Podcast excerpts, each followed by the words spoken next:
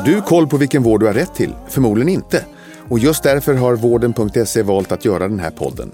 Jag heter Mikael Sandström och är husdoktor i eh, podden Vårddjungeln. Jag får sällskap av andra experter inom vårdrelaterade ämnen och även gäster som berättar om sina sjukdomserfarenheter. Har du som lyssnar en fråga du vill ta upp i podden så mejla fragoratvarden.se. Med detta sagt önskar jag dig varmt välkommen till Vårddjungeln. Nu kör vi! Varmt välkommen till ett nytt rykande eh, avsnitt av Vårddjungeln. Och bakgrunden till det här avsnittet är ju överenskommelsen för Sverige som den tillträdande regeringen precis har presenterat, eller det så kallade Tidöavtalet. Och med oss idag för att reda ut vad det här Tidöavtalet innebär för sjukvården har vi Daniel Forslund.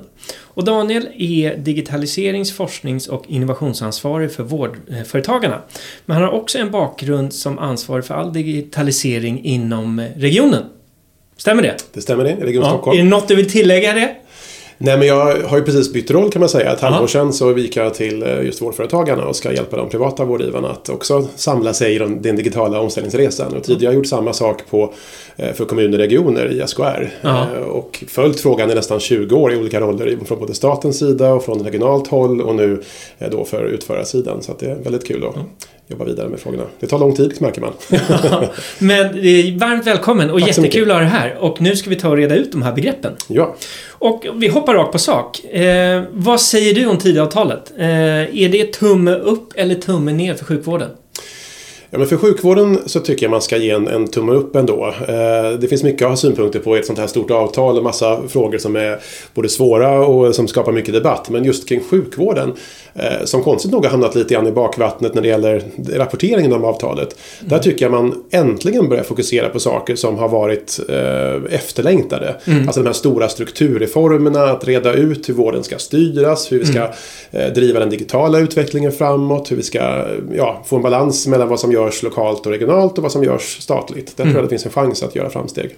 Men för det här, om inte jag är helt eh, missunderrättad, så är det ju så att vårdfrågor är det som står högst upp på agendan för väljarna. Gjorde är det inför valet. Absolut, det var fråga nummer ett inför valet och var det i flera år innan valet. Ja. Och även nu i tider av krig och ekonomiska svårigheter eh, så ligger fortfarande topp tre. Eh, Man nämner sjukvården som en av de frågor som man vill att det ska hända saker kring. Och där också förväntningarna är högst på politiker tror jag att leverera någonting. Så att eh, det här tror jag är en kärna för den nya regeringen att faktiskt eh, hantera.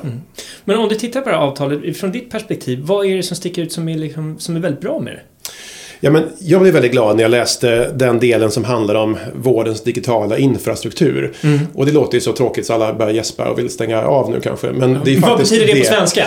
Ja, men det är ju just att din information som patient, den ska finnas där den behövs. Ja. Hos vilken vårdgivare som helst, i vilken region som helst. Eh, och att du ska inte behöva rabbla din vårdhistorik gång på gång utan att någon vet om vem du är. När du Nej. bara åker, blir sjuk på resan till fjällen eller när du bytte från en, en privat vårdcentral till ett stort universitetssjukhus eller vice versa. Så, Mm. så, så vet man inte om vem du är längre. Nej. Eh, och det Halva om... läkarbesöket går åt att bara repetera vad man Precis, har sagt just det, gång. varför är du här och vad har du Ja, gjort förut? Och, eh, och det blir man väldigt frustrerad över. Jag tror att Mm. där tappar många människor förtroendet för vården. För att, Men hallå, vet ni inte om? Läs i datorn. Ni har väl journalen från mitt förra besök. Mm. Och då ska inte det betyda någonting om det var på 1177 jag berättade någonting eller om det var för Kry i en app eller om det var på min lokala vårdcentral eller om det var på mitt stora akutsjukhus. Mm. All den informationen ska ju finnas där och det tror ju alla att den gör. Eh, Men eh, så är det då inte än. Mm. Nej. Och därav behovet av en stor nationell satsning på det här. Mm. Och det har vi kämpats med i väldigt många år. Eh, Men det har aldrig funnits med i en regeringsöverenskommelse eller regeringsförklaring som det var Mm. den här gången. Och det är något, något historiskt ändå, att man faktiskt lyfter den här frågan på det sättet. Och vad krävs det mer praktiskt för att kunna uppnå det då? Ja, men det krävs ju en enorm kraftsamling. Eh, och det jag vill säga, det, det, det som det krävs samling kring, det är ju inte att nu ska vi upphandla ett stort system till Sverige. Det tycker jag vore katastrofalt. För det kan ju verka som den enkla lösningen. Att säga att åh, men då skrotar vi alla de här olika gamla eh, systemen som inte är kompatibla. Och ersätter det med någonting som är samma.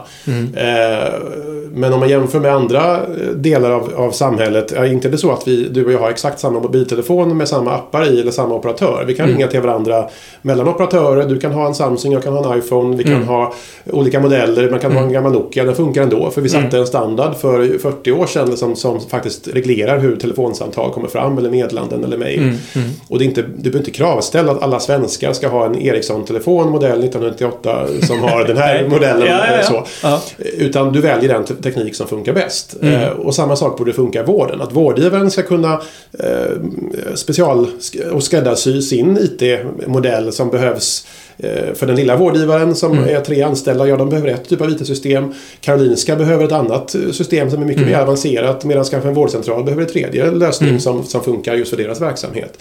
Eh, och då tänker jag att då ska man ju verkligen fokusera på på informationen i systemen. Inte Mm. att du ska ha ett namngivet system som har den här leverantören.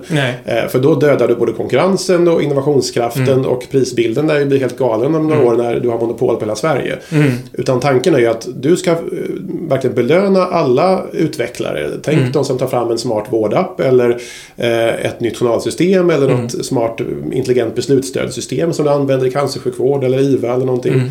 Eh, Då är de bäst just på den modulen men inte Mm. på allt. Eh, Mm. Men då måste modulerna vara kompatibla. Mm. Så det jag hoppas att regeringen menar med den här överenskommelsen det är ju att eh, nej, vi ska inte upphandla ett system men vi ska sätta en så kallad logisk infrastruktur. Alltså Mm. standarder, En principer. branschstandard. En branschstandard helt enkelt. Ja. Och att den tas fram just med branschen. Det ska Mm. inte vara några tjänstemän på departementet som sitter och knackar Mm. fram den där standarden. Utan det ska göras av de som kan vård, vårdgivarna eh, Mm. och de som kan tech, alltså techföretag som Mm. utvecklar systemen.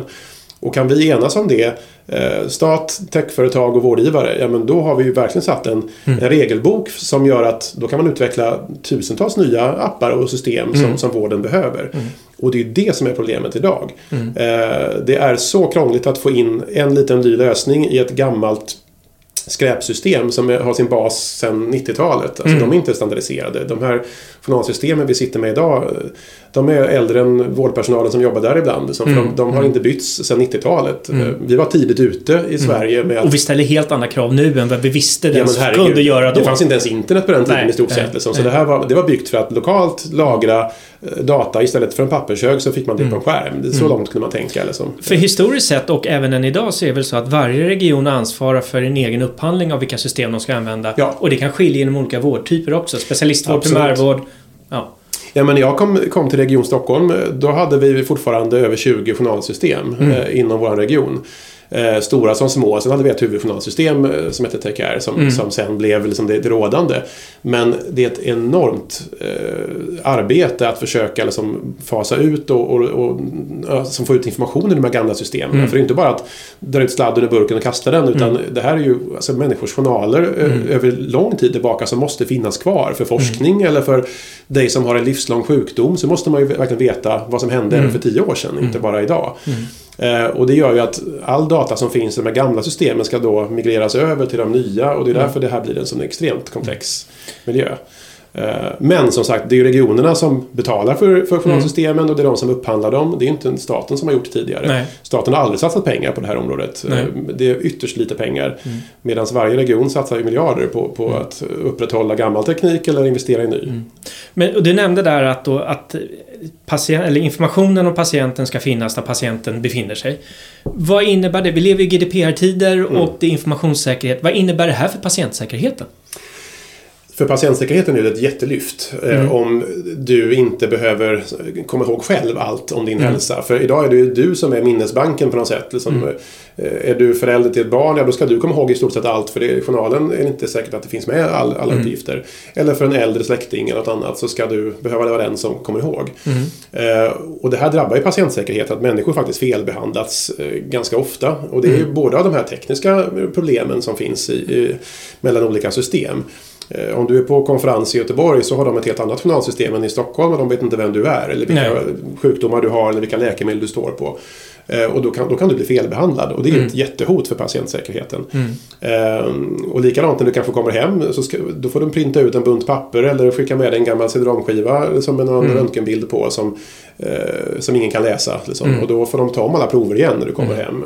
Så det här kostar oss pengar och det kostar oss liv i slutändan Mm. när man inte får rätt behandling. Mm. Ett exempel som vi lärde verkligen den hårda vägen under pandemin det var ju eh, gränsen mellan äldreomsorgen och sjukvården. Mm. Eh, de patienter som behöver mest en sammanhållen informationskedja. Vad, vad hände på sjukhuset när du kommer mm. tillbaka till ett äldreboende och vice versa. Mm.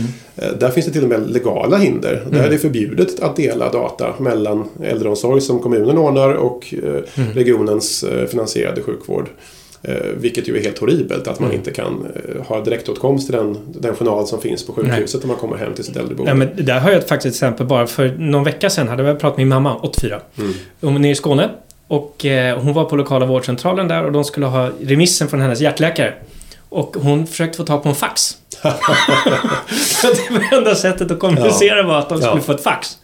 Det var inte helt ju, lätt att läsa. Ja, men man skrattar ju åt det. Men ja. det är ju så otroligt tragiskt. Alltså, ja. För jag, när jag berättar, är ute och föreläser ganska ofta och så brukar jag ge som bara så här liten reality check. För människor tror ju att men vi lever i en digital tid, allt är mm. jättemodernt. Här sitter vi med våra smarta telefoner och häftiga datorer och, och surfplattor och annat. Men i vården så sitter du där med en, en fax och en personsökare och liksom mm. teknik som inte har funnits i det vanliga samhället på åtminstone 20 år. Mm. Eh, och det är ju helt horribelt egentligen. Att en verksamhet som ska rädda liv, de har den sämsta tekniken. Ja. Eh, men det märkliga är att de har ju den bästa tekniken när de ska behandla patienter. Mm. För de har ju otroligt häftig medicinsk apparatur. De har mm. strålkanoner och häftiga magnetröntgenutrustningar mm. och, och liksom uppkopplingsmöjligheter till en kirurg på mm. andra sidan jordklotet som kan vara med i samma operationssal som du eh, digitalt. Men när du sen ska kommunicera och boka en tid så mm. får du, vill du hänvisa till eh, tusen telefonväxlar eller mm. liksom vi skickar ett brev till dig med någon slumpvis tid som mm. du får ändå ringa och sen boka om i någon Kafka-process. Liksom. Och, det, mm. och det är väl det som är det märkliga att de här basala tekniska lösningarna finns inte. Men de mest avancerade de finns mm. där. Och så kan det inte vara i en verksamhet som men det låter ju spontant som, för man läser ju, eller jag läser ju mycket om att det är mycket tid som går till spillo för administration och så vidare. Men det här måste ju underlätta oerhört för kåren också. Oh ja. Och jag tror att hade man i det här nya Tidöavtalet till exempel och i andra överenskommelser bakåt sett att eh, det är de digitala bristerna som orsakar väldigt mycket andra problem. Mm. Eh, för vårddebatten under en valrörelse handlar ju mycket om den stressiga arbetsmiljön, mm. att personalen inte räcker till, mm. eh, att väntetiderna är långa för patienterna och just de här krångliga liksom, processerna som ingen mm. förstår. Allt det egentligen grundas ju i informationsbrister. Mm. Alltså att du, du lägger väldigt mycket tid som läkare eller sjuksköterska på att söka fram information som borde bara funnits där med en knapptryckning. Mm. Uh, istället finns det liksom i, liksom, ja, finns i sjön på något sätt. Du får, mm. söka i, och logga in i olika system och hämta ut olika uppgifter i olika system som tar dig enormt mycket tid. Mm. Och ja, det finns undersökningar från, från fackförbunden som visar att en sjuksköterska kan lägga alltså, timmar på en arbetsdag. Mm. Eh, för att söka information som borde bara funnits där från början. Eller att mata in samma uppgift i olika system mm. för de inte är kompatibla. Så du måste skriva in samma sak i remisshanteringssystemet och i eh, läkemedelsförskrivningssystemet och sen i vanliga journalen och sen mm. en annan journal och sen ett kvalitetsregister som ska följa upp det på lång sikt. Och, mm. ja. Låter bökigt. Det är ganska bökigt. Och hade man löst det som sagt då hade vi kunnat frigöra väldigt mycket tid och ja. avlasta vårdpersonal från den här tråkiga administrativa yrkena, mm. alltså delarna av yrket som inte ska behöva ta så mycket tid. Mm. Och då kanske det inte är för få anställda mm. egentligen. Vi har, vi har väldigt hög läkartäthet i Sverige till exempel. Men frågan som borde diskuteras i politiken det är ju vad lägger man tiden på? Mm. Inte att vi behöver fler läkare som också står och faxar. Liksom, mm. Nej, det kanske inte löser någonting. Vi ska nej. ge dem bättre verktyg och minimera deras arbete med administration överhuvudtaget.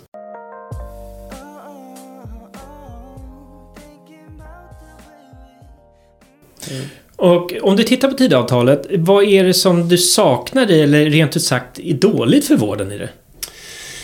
Ja, jag är glad för det här med digital infrastruktur som sagt. För det kan, det kan äntligen ena branschen, hoppas jag, i en, i en riktning framåt. Eh, det som saknas, eller det som kan vara en risk, den här omorganiseringen, man pratar om en statlig vård mm. också. Att nu ska staten ta ansvar för sjukvården. Vad innebär det i praktiken? Ja, det undrar ju alla. Eh, för det låter ju på något sätt lite bra. Att man tycker det är rörigt med 21 regioner och, och tusentals privata vårdgivare. Det här verkar jättekrångligt. Kommer en central övervakande är det man undrar vad det faktiskt blir. enhet med ännu mer byråkrater. Exakt. För Ja, man kan ställa sig frågan om man tänker så här, ja, vilken stor statlig organisation har varit ett under av innovationskraft och effektivitet? Ja, men det är kanske inte så många egentligen. Det, mm. det, ju större desto sämre och tyngre och... Jag anar en viss underton av ironi där. Ja, eh, faktiskt. För ja, ser man på alla, alla de stora myndigheternas IT-upphandlingar till exempel ja. har varit katastrofala. Mm. Minst Transportstyrelsen eller Försäkringskassan och mm. andra som har försökt göra stora IT-omvandlingar som har varit enormt kostsamma och väldigt mm. tungrodda och inte lätt så mycket nytta kanske.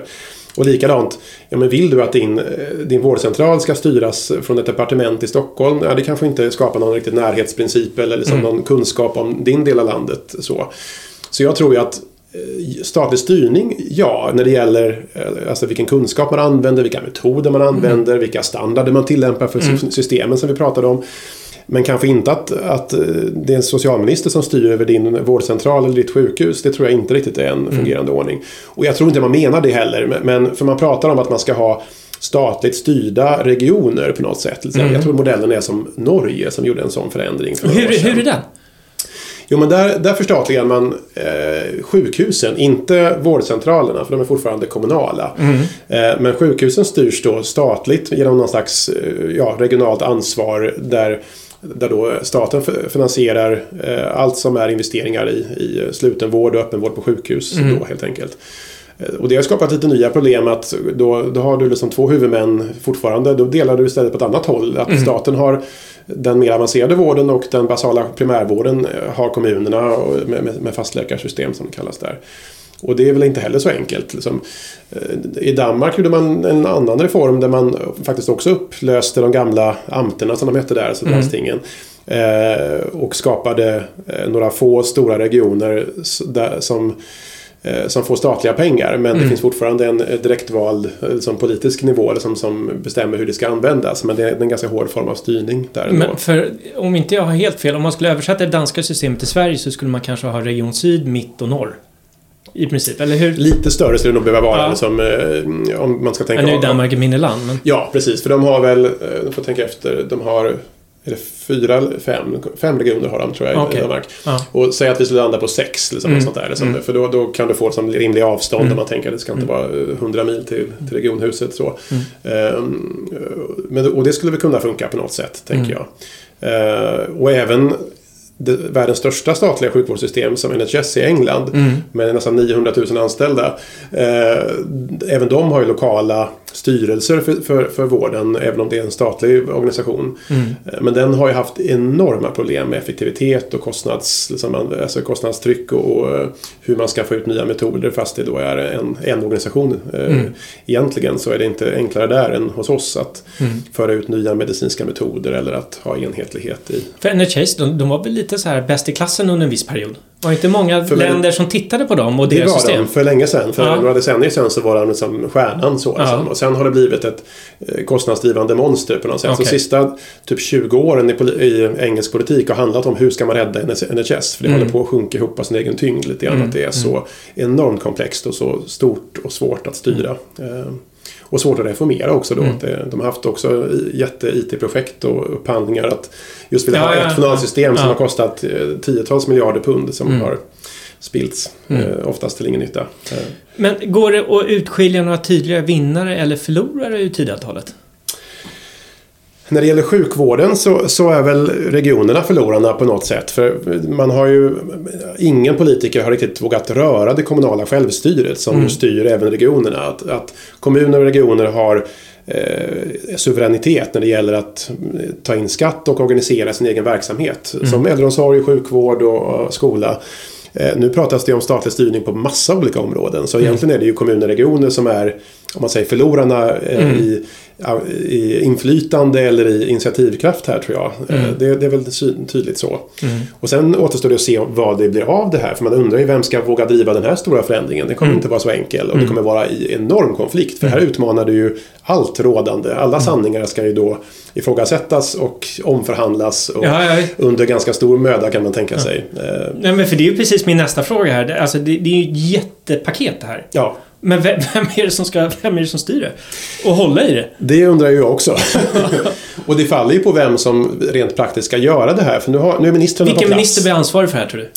Eh, det blir ju Acko Ankarberg eh, som då är sjukvårdsminister mm. eller socialministern Jakob Forssmed som, mm. som kommer hålla det här. Förmodligen de i kombination kan jag tänka mig.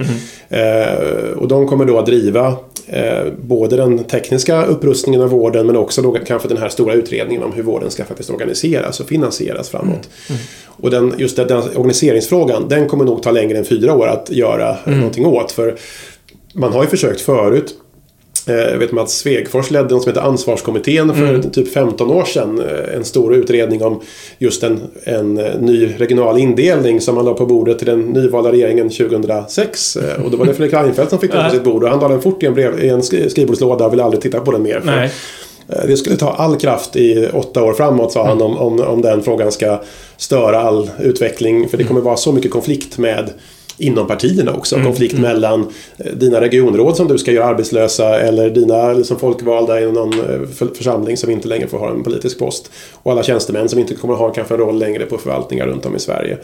Så det är klart att du utmanar ju väldigt mycket i systemet såklart. Mm. Så att mm. du kommer ju få motståndare när du gör en sån här modig reform också. Mm. Eh, men jag tror ju att det är bra att man äntligen pratar om strukturfrågorna. För om du bara pratar om symptomen mm. på strukturfel. Mm. Alltså vi har långa köer, det är stressig arbetsmiljö, mm. det är liksom alltid jobbigt i vården. Ja, det är det. Eh, men då kan du inte komma med gamla lösningar på dem hela tiden. Vi har försökt att pumpa in nya människor och utbilda fler och fler och fler. Mm. Men de blir också utbrända av en dålig arbetsmiljö. För det har fortfarande inte gett dem bättre verktyg. Eller du har inte mm. gett dem en bättre organisation som är mer mm. effektiv.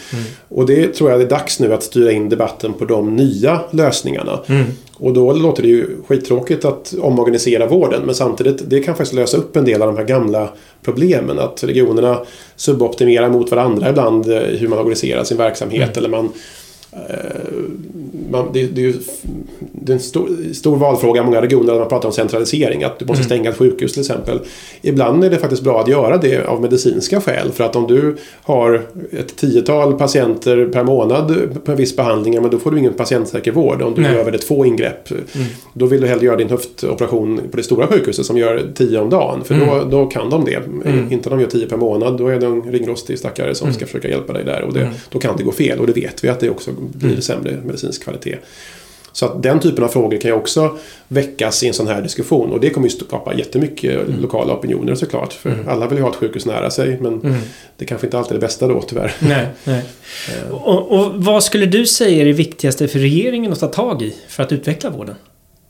Ja, men då måste jag ju säga det här med, med, med digitaliseringen för, för vi ligger så långt efter. Ja. Förr i tiden så skröt vi om att vi var så långt framme i Sverige. Ja. För vi var tidiga med, med att införa de här nya journalsystemen då 90-talet när mm. resten av världen fortfarande hade papper. Mm. Eh, så att vi har en självbild att vi är ganska bra. Mm. Och vi har 1177 och annat som mm. faktiskt har funnits också i typ 20 år. Men mm. det var ju inte 1177 som kom på de digitala vårdmötena med patienterna. Det var som digitala vårdgivare mm. som, som Kry och Doktor.se och andra som faktiskt var väldigt snabba snabba att, införa helt nya sätt att, att mm. möta vården. Och det är väl där som visar att vårdens förmåga att utveckla sig har blivit lite långsam och man har snarare lagt all kraft på att mota bort de där som kommer med nya lösningar än att mm. faktiskt bejaka det. Protektionistiska liksom? Protektionist och lite liksom gammaldags mm. sätt att tänka. Att man, man tror att patientens högsta dröm är att gå till en lokal där jag mm. träffar min läkare och sitter i ett rum. Och det, mm. det vill jag ju verkligen göra när det, när det är behövligt mm. och, och, jag känner mig eh, otrygg eller vill prata om någonting. Mm. Men kanske liksom hälften av besöken eller fler kan jag faktiskt göra på distans. Mm. Det där uppföljande mötet, jag behöver inte sitta i ett rum för att få en redovisning hur jag ska, hur jag ska medicinera eller vad mm. mitt provsvar visade. Det kan mm. jag läsa själv på en skärm eller som mm. prata på telefon eller mm. göra det i en app. Eh. Men när du säger att vi ligger efter, jämför då mot privata vårdgivare eller jämför mot kanske andra länder? Eller hur? Både och faktiskt. Ah. Liksom för ser jag på våra medlemsföretag i Vårdföretagarna där, där många privata vårdgivare eh, finns så så, ligger, så är de pionjärer att använda de här lösningarna. De mm. var ju de som drev fram mycket av de här digitala vårdbesöken. Man har varit tidigt ute att också eh, skapa en fullt ut digifysisk vård som man mm. pratar om. Alltså en mm. kombination av fysiska och digitala möten. Du, mm. beroende på ditt behov så träffas vi mm. på en plats eller i en app eller du läser själv eller mm. vi rings. så. Eh, och det, där har ju de privata vårdgivarna eh, som, som Capio eller Kry eller Praktikertjänst och andra som har varit väldigt engagerade i den här utvecklingen mm. gjort stora förflyttningar som har dratt med sig hela den offentliga vården mm. lite motvilligt framåt i, i mm. utvecklingen. Och även länder omkring oss. Vi pratade tidigare om, om de, våra nordiska grannländer. Eh, alltså både Danmark och Norge och Finland har gjort jätteframsteg på det här området som vi inte har sett i Sverige. Och det var just på grund av stora reformer som man lyckades mm. samla sig och eh, man skapar en tydlighet om att nu måste vi skrota gammal teknik och ersätta det med nytt. Mm. Eh, som när danskarna införde digital post. Det var inte så att man såg digital post som ett undantag. Att det får du begära själv om du så att du vill ha det. Utan tvärtom. Om du inte vill ha digital post då får du anmäla ett undantag. För, mm. för, för annars är det grundregeln att nu går vi över till digital post. Punkt. Och det var ju tråkigt för oss som äger Postnord, svenska skattebetalare. Men, men, det var ju smart ur ett samhällsomställning ja, som man faktiskt drev fram då. Att, mm. Och den går mycket långsammare i Sverige för vi tar inte sådana beslut. Vi, vi lämnar det åt någon annan att göra. Varför vågar vi inte göra det då? Ja, jag undrar också det. Det är väldigt svagt ledarskap måste jag säga. För vi måste ibland ändra grundregeln. Jag vet att man höll på i över tio år innan man kunde säga att E-recept, eller elektroniska läkemedelsrecept, mm. är grundregeln. Mm. Tidigare var det som egentligen originaldokumentet var fortfarande ett papper. Den här gula lappen. Det gula lappen med någon hade kluddat något obegripligt på. Ja. Det var fortfarande originalet på något ja. sätt. Liksom, fast ja. det inte fanns några sådana kvar nästan. Och, och, det var först liksom för typ 5-6 år sedan som man ändrade det i föreskrifterna från mm. Läkemedelsverket. Mm. Så det finns mycket saker som, som man inte vågar fasa ut för man är rädd att eh, det, det, är alltid någon som inte vill använda den digitala mm. tekniken eller inte kan använda den. Och, och det är ju en väldigt relevant fråga att ställa men det är fel mm. svar att ge och säga att då ska vi inte ge det till någon. Mm. Det är inte så att den personen som lever i ett digitalt utanförskap mår bättre för att nio av tio inte heller, andra inte heller får använda den digitala tjänsten.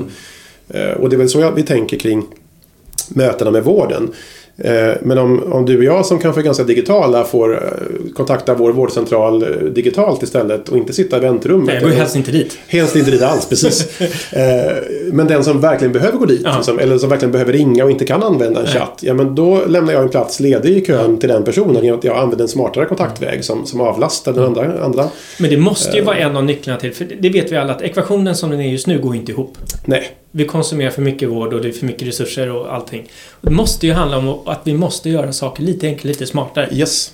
Och då kan du göra mer med samma tid av timmar om man säger. Mm. Liksom. Med bättre verktyg så kunde vi producerat mycket mer sjukvård. Och det är mm. väl på tal om att jämföra olika vårdgivare så ser vi faktiskt det. De som har varit tidigt ute med att eh, ha en datadriven utveckling. Man mm. lär av det som man gör och man ställer om processer, man, mm. man trimmar och man inför nya digitala verktyg som, som Capio Sankt Görans sjukhus i Stockholm mm. till exempel. Ligger alltid topp i, i kvalitet när man mm. mäter olika sjukhus i samma storlek.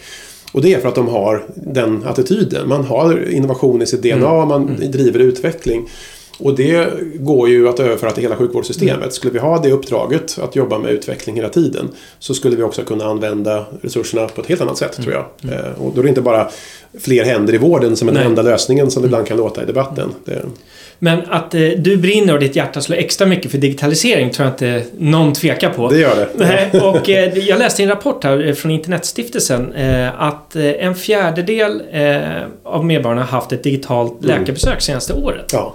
Och det är ju ganska fantastiskt. Mm. För Jämför med för några år sedan så var ju den siffran i stort sett noll. För, mm. det, för det, pandemin har ju där i all sin, sitt elände så kunde den ändå driva fram en digital omställning där mm. många insåg att du kan faktiskt ha ett, ett digitalt besök lika väl mm. som ett fysiskt i många fall. Och vården också började använda verktyg som faktiskt fanns. Det mm. har ju funnits en kamera i din dator ganska länge men du har aldrig slått på den kanske tidigare nej, för du väl nej. behövde. Ja. Eh, och nu har man snabbutbildat personal så att man faktiskt kan använda det här på ett helt annat sätt än mm. tidigare. Mm. Eh, och en av fyra, det är ganska många ändå. Mm. Och, högt upp i ålderskategorierna så är det mm. ändå ganska många som har mm. använt digitala vårdtjänster. Mm. Och ser man totalt sett i befolkningen, jag tror det var 83 procent av, av alla svenskar som har haft någon digital kontakt med vården ja, precis, under ja. det senaste året. Ja. Det, är det är ganska fantastiskt får man ju säga. Men du, på en skala 1 till 10 då, hur digitaliserade är vi egentligen? Jo men man kan dela upp det i två delar. Mm. Så jag skulle säga typ en åtta om man säger att finns det digitala verktyg? Ja, det gör det. Mm. Liksom, vi ligger väldigt högt. Mm. Där ligger vi bra till mot andra länder för vi har en digital mognad på det sättet i organisationerna. Mm. Använder vi tekniken? Nej, där ligger vi nog ganska lågt. För där ligger vi mm. nog på en 4-5 snarare. För att mm. vi är fortfarande väldigt tveksamma till, ska vi, vågar vi erbjuda det här som en huvudkanal in till vården som faktiskt kanske patienterna tycker att det är? Eh, vågar vi ersätta ett, digitalt, eller ett fysiskt besök med ett digitalt? Eh, men ställer vi ens frågan till patienten vad den vill? Mm. Hur ses vi nästa gång? Vill du verkligen komma hit? Eller går det lika bra att jag ringer dig? Eller mm. att vi ses på en skärm? Och det tänker jag kan eh, det påverkar tror jag vår, vår ranking totalt sett. För vi, vi halkar efter varje år när OECD och andra organisationer mäter digital mognad. Särskilt i det, den offentliga förvaltningen mm. så, så blir det lite sämre och lite sämre. Mm. För att vi har också då lagar och förordningar som inte är anpassade för den digitala världen riktigt. Mm. Men du nämnde tidigare det här exemplet med mobiltelefoner. Ja. För om man tittar på andra branscher som avreglerades, ja, Mm. telefoni till Ja. exempel, så kom Comvik in och det kom andra Yes. in. Och eh, privata aktörer har ju då hjälpt Mm. det statliga att driva på utvecklingen. Precis. Hur kan man sprida på det här? Liksom, hur kan man få det här att accelerera inom sjukvården? Ja, det är en bra liknelse tycker jag. För, för precis som de utmanarna Och på ingenting ont om telekomsektorn- det offentliga nu alltså, men... Nej, och de, och de behöver ju också hjälp att förstå vilka möjligheter som finns, tänker jag. För man är ju lite fast i gamla Mm. metoder och rutiner. Och, och de som söker sig att jobba hos en privat vårdgivare är ofta de som kanske är mest utvecklingsdrivna och inte vill tyngas av regionens stora byråkrati. Så, Mm. Utan då kan man få en mycket snabb, mer snabbfotad organisation kanske att jobba med. Och då startar man eget eller jobbar på någon Mm. sån vård, vårdgivare som är privat. Och jag tänker att där kan man ju ha en, en stimulerande kvalitetstävlan. Alltså där Mm. man verkligen bejakar eh, de som vill utveckla. Och det Mm. hoppas jag även en offentligt driven vårdverksamhet får göra. Liksom att Mm. Beställaren, alltså regionen som sitter på pengarna, eller om det nu blir staten i framtiden, vad vet, eh, måste då skriva avtal eh, och ersättningsmodeller som, som belönar utveckling. Mm. Idag så är det fortfarande detaljstyrt väldigt mycket. Du måste träffa patienten så här på ett rum, du får inte ringa, du måste göra exakt Är det det här sättet. uppdragsboken, eller vad heter det? Ja men exakt. Ja. Och, då, och då har man ett uppdrag som är så, ibland så gammaldags beskrivet och så detaljstyrande så du får inte tänka själv i stort sett. Och du får absolut inte använda den nya smarta tekniken som du har sett på en eh, konferens eller ser att nästa vårdgivare använder kanske. Och där tänker jag att där krävs det innovation även av vårdens styrsätt. Som alltså att, hur skriver du ett avtal med en vårdgivare? Jo, du ska ju belöna den som förebygger sjukdom och liksom har en bra tät kontakt med dig på massa olika kanaler. Eh, jag har sett skrämmande exempel här i Stockholm bara när eh, det var Södertälje sjukhus till exempel som jag besökte för några år sedan som hade gjort en, en jättespännande satsning där man fångade upp de mest sjuka äldre patienterna som ofta kom till akuten. Och det handlade om egentligen ett, mindre än ett hundratal individer som man kunde identifiera som ofta var där. Som för de, de, de hade en svår lång, långvarig sjukdom som aldrig blev bättre riktigt. Eh, och att då punktmarkera dem och ge dem ett ökat stöd i hemmet gjorde att de inte kom till akuten så ofta. Och, då, och fick ett bättre liv och bättre hälsostatus och blev friskare och friskare. Eh, Men sjukhuset straffades med en ekonomisk, eh, liksom, eh, ett straff. För att då kom det ju färre personer till akuten. Och de mättes ju på att de hade många besök. Ja, ja, ja, Så ja. att om de var bra på att hålla patienten frisk, då fick de ett straff. Ja. Och då kan man ju gissa, vad, vad vill man göra då som vårdgivare? Då Ja. vill man ju att patienten kommer oftare till mig. För då blir det ju catching i skattekistan på något sätt. Och det är ju helt galet att det kan vara sådana drivkrafter. Eller en vårdcentral ute på Ekerö som Praktikertjänst driver som gjorde en jättefin satsning på digital triagering. Där man kunde då liksom, via chatt och digitala kanaler anmäla mm, sin sjukdom och liksom sen få träffa först en sjuksköterska digitalt. Och och då kunde man minska på telefon, eh, an, bemanningen till, till telefon. Men då fick man också ett vite från, från, eh, från- regionen som sa att men du har minskat telefontillgängligheten så nu får ni ett vite för det står i avtalet att ni måste Ja, ja, ja. bemanna telefonen de här timmarna. Bara fast våra patienter använder en digital kanal, inte telefon. Vi har träffat fler patienter nu än man gjorde förut. Det är ju rent ut sagt motarbetande. Det motarbetar all utveckling och då Ja. slutar man ju tänka själv som Ja. vårdgivare. Det är bara, men Det är ju ingen som belönar mig för att ens försöka utveckla och förbättra vården. Mm.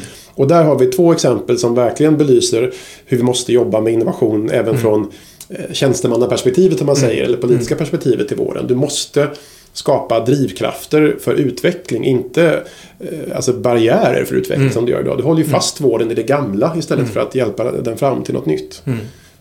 Det gör mig väldigt frustrerad. Men, och jag, jag, jag, är bara nyfiken på, för det har ju precis varit val. Och Ja. vi, i region i Stockholm så har vi fått maktskifte. Mm.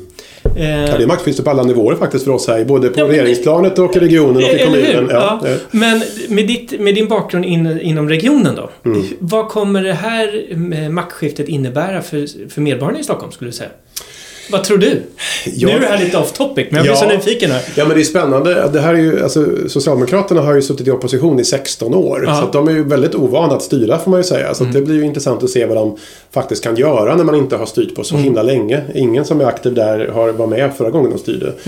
Eh, så att risken är att de är lite dåligt inlästa på hur, vad är egentligen problemen eller vad är egentligen Men tror du de liksom, har någon sån besluten. här åtgärdslista? Att nu ska vi göra det här, det här, det här? Jo, men det vet jag att de har. Ja. Eh, och de har ju också en överenskommelse med sina samarbetspartier som är ändå ganska tydlig Ja. vad de vill göra. Eh, som jag satt och läste här i förra veckan. Eh, det kom faktiskt samma dag som, som Tidöavtalet tror jag det var. Mm. Och det jag är lite orolig för det är ju det här att man, man är väldigt skeptisk till just privata vårdgivare till exempel. Mm. Alltså man, man vill eh, inskränka vårdval och, och möjligheten för patienten att välja själv. Utan man vill att det ska vara politiker som bestämmer lite mera än vad att du, du ska själv gå till den ortopeden, inte den. Exakt, för det har Ja. någon i regionen bestämt liksom, Ja. och inte du själv. Och det kan ju låta effektivt från ett politiskt perspektiv men det är inte så kul för dig som människa som bara hänvisas någonstans kanske så. Eh, Den som inte var bäst för dig utan den som någon annan tyckte. Och, och det är jag väl lite rädd på tal om innovationskraften också att man, man eh, dränerar vårdens kapacitet lite grann om man, om man stänger de dörrarna. För där har ju Region Stockholm och till exempel Halland är väl de regioner som har legat ganska långt i framkant med vårdval. Verkligen, de har legat först liksom, om man- och var hur- tidigt. Och hur tror du medborgarna kommer reagera om den här valfriheten, för den värderar vi många ganska högt, om den inskränks? Vad, vad kommer hända då tror du? Jag tror att det blir en backlash. Liksom, för Ja. Människor kan tycka på pappret att ja, men, nej, nu får det vara lite ordning och reda och liksom, det här Mm. får de styra upp. Fast sen när det handlar om, om mig. Ja, fast Ja. inte vill jag att liksom, något regionråd ska bestämma vart jag ska söka vård. Eller nu ska jag bli anvisad en vårdcentral vart, utefter var jag bor som det var förr till Ja. exempel. Det är väl ingen som vill ha det så längre. Eh, så att jag tror att när det väl kommer till kritan så kommer det inte gå så långt som de kanske gör eh, sken av i en valdebatt. Så, Mm. så att jag tror att det ändå blir ganska nyanserat när det väl landar. Eh, så att jag hoppas att det går bra. Men sen kan jag tycka att det, det är ganska... Jag satt ju själv i den gamla ledningen men det är alltid bra med också nytänkande och nya människor som kommer in och ser på saker lite annorlunda. Det kan vara, det katalysera lite förändring i sig. Så att, eh, jag ser ändå positivt på att man kan göra någonting bra där. Jag var lite ledsen, jag såg inte så mycket om just digitalisering och forskning och innovation i Nej. det nya Nej. manifestet Nej. eh, för Nu har de inte suttit så länge å andra sidan, så vi får Nej, väl så se. de, vi får ge dem lite tid att läsa in sig. Men du, Vårdföretagarna, ni driver kampanjen Nollvision. Ja, Vad innebär det?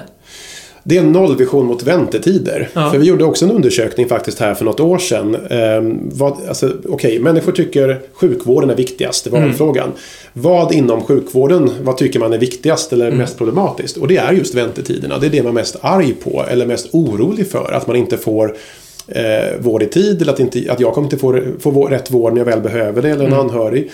Eh, Så att då sa vi att ehm, det här måste vi driva en egen kampanj om och visa på goda exempel på hur våra eh, medlemmar, eh, alltså olika privata vårdgivare, har gjort för att ta bort köer. När vi får tänka nytt och tänka om, då kan vi ta bort kön helt och hållet. Och då har vi i den här kampanjen eh, visat upp exempel från från Aleris, från Capio, från Doktor.se och massa olika företag som då har gjort stora förändringsresor. Eh, Jag minns här för den liten film vi la ut kring eh, människor som har svårt att, eh, med sömnapné som det heter, att du vaknar av liksom, andningsstopp och, och svåra snarkningar. Eh, där man kunde korta kön från, jag tror det var ja, åtta veckor och sånt här till några dagar eller som så. Som man kunde få bort genom att ha en, en smart process där du kunde hämta ut ett eget stödpaket och du kunde mäta dina egna värden i hemmet och du får stöd från löpande. Eh, från vården på distans istället för att hela tiden befinna dig i en, i en lokal. Eh, och alla är mycket nöjdare. Liksom. Och det är väl just sånt jag tänker vi borde kanske också samarbeta med den nya regeringen om. Att verkligen sätta en nollvision för väntetider. För Använder du kapaciteten i hela sjukvårdssystemet, att du bättre, alltså oftare remitterar till en privat vårdgivare eller använder hela sjukvårdssystemet eh, och använder innovation och utveckling. Ja, men då kan vi lösa de här problemen som verkar olösliga. Ja, för det är ett ganska stort problem. För om jag bara, den fakta vad jag har hittat är att över 200 000 personer har väntat längre än vad vårdgarantin säger. Ja, Och sen så har vi nästan en halv miljon personer som väntar på en första kontakt med specialistvården. Helt orimligt. Ja. Och det, det är därför man är så orolig som svensk att blir jag sjuk, ja men då får jag, då får jag räkna med att det tar tid. Eh, Och jag får vara jag får slåss med näbbar och klor för att komma fram på något sätt med systemet. När jag väl får vård, ja men då har jag en jättebra behandling för att det är inte den det är fel på utan det är vägen dit som, som är väldigt krånglig och konstig och oklar för de flesta. En, en grej som jag blev lite förvånad över, för Hallengren här precis innan valet så sköt Ja. de ju till en kvarts miljard för utomlänsoperationer. Ja, Vilket innebär att du står och väntar i din region yes. och det är där, du kanske inte ens blir tidsatt. Men sen så i Stockholm eller någon annanstans så finns det då tid nästa vecka. Mm. Precis. Då kan du få ersättning för att åka dit. Varför proklameras inte det här mer? Att det finns kapacitet i Sverige Ja. men du har folk som är långtidssjukskrivna helt onödan. Ja.